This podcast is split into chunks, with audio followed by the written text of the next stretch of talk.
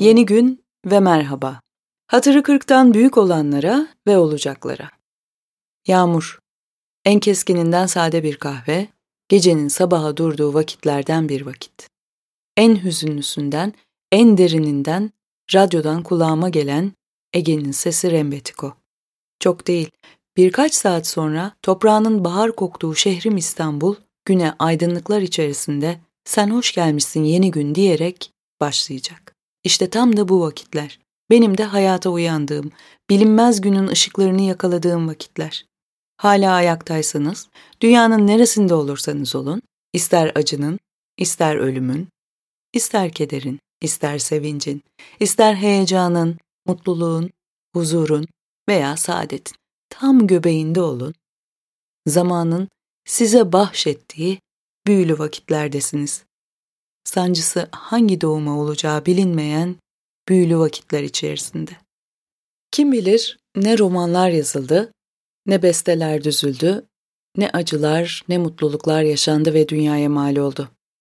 Her biri ayrı öykü. Ve kim bilir, dünya var oldukça kimler bu vakitlerde ne sancılara doğacak. Duyan kulağın, gören gözün, hisseden gönlün var olanları olacak. Tam da böyle bir vakitteyim işte. Tam da gözümün, gönlümün aynı şeyleri söylediği büyülü bir vakitte. Nedenini bilmiyorum ama hissediyorum. Kaleme vurup kağıda dökmenin vaktidir. Coşkularımla birlikte tüm asaletiyle hüznüm de yanımda.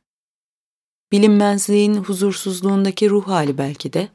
Ancak bildiğim odur ki bu haleti ruhiye ile birlikte her yeni ortaya çıkacak plan, kurgu, iş, yazı adına ne derseniz deyin her biri ayrı bir doğum, yaşamın getirdiği bin bir zorluğun içerisinden süzülüp gelen.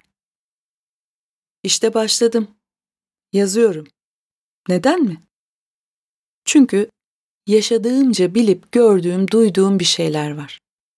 İşte yazıyorum. Söyleyecek sözlerim var. Sen hoş gelmişsin aydınlıklar içerisinde ey gün diyerek aydınlıklar içerisinde geldim, kapınızı çaldım. İsterim ki sen hoş gelmişsin diyiverin de en koyusundan 40 yıllık hatırı olan sohbetlerimizi birlikte yapalım. Hoş bulduk.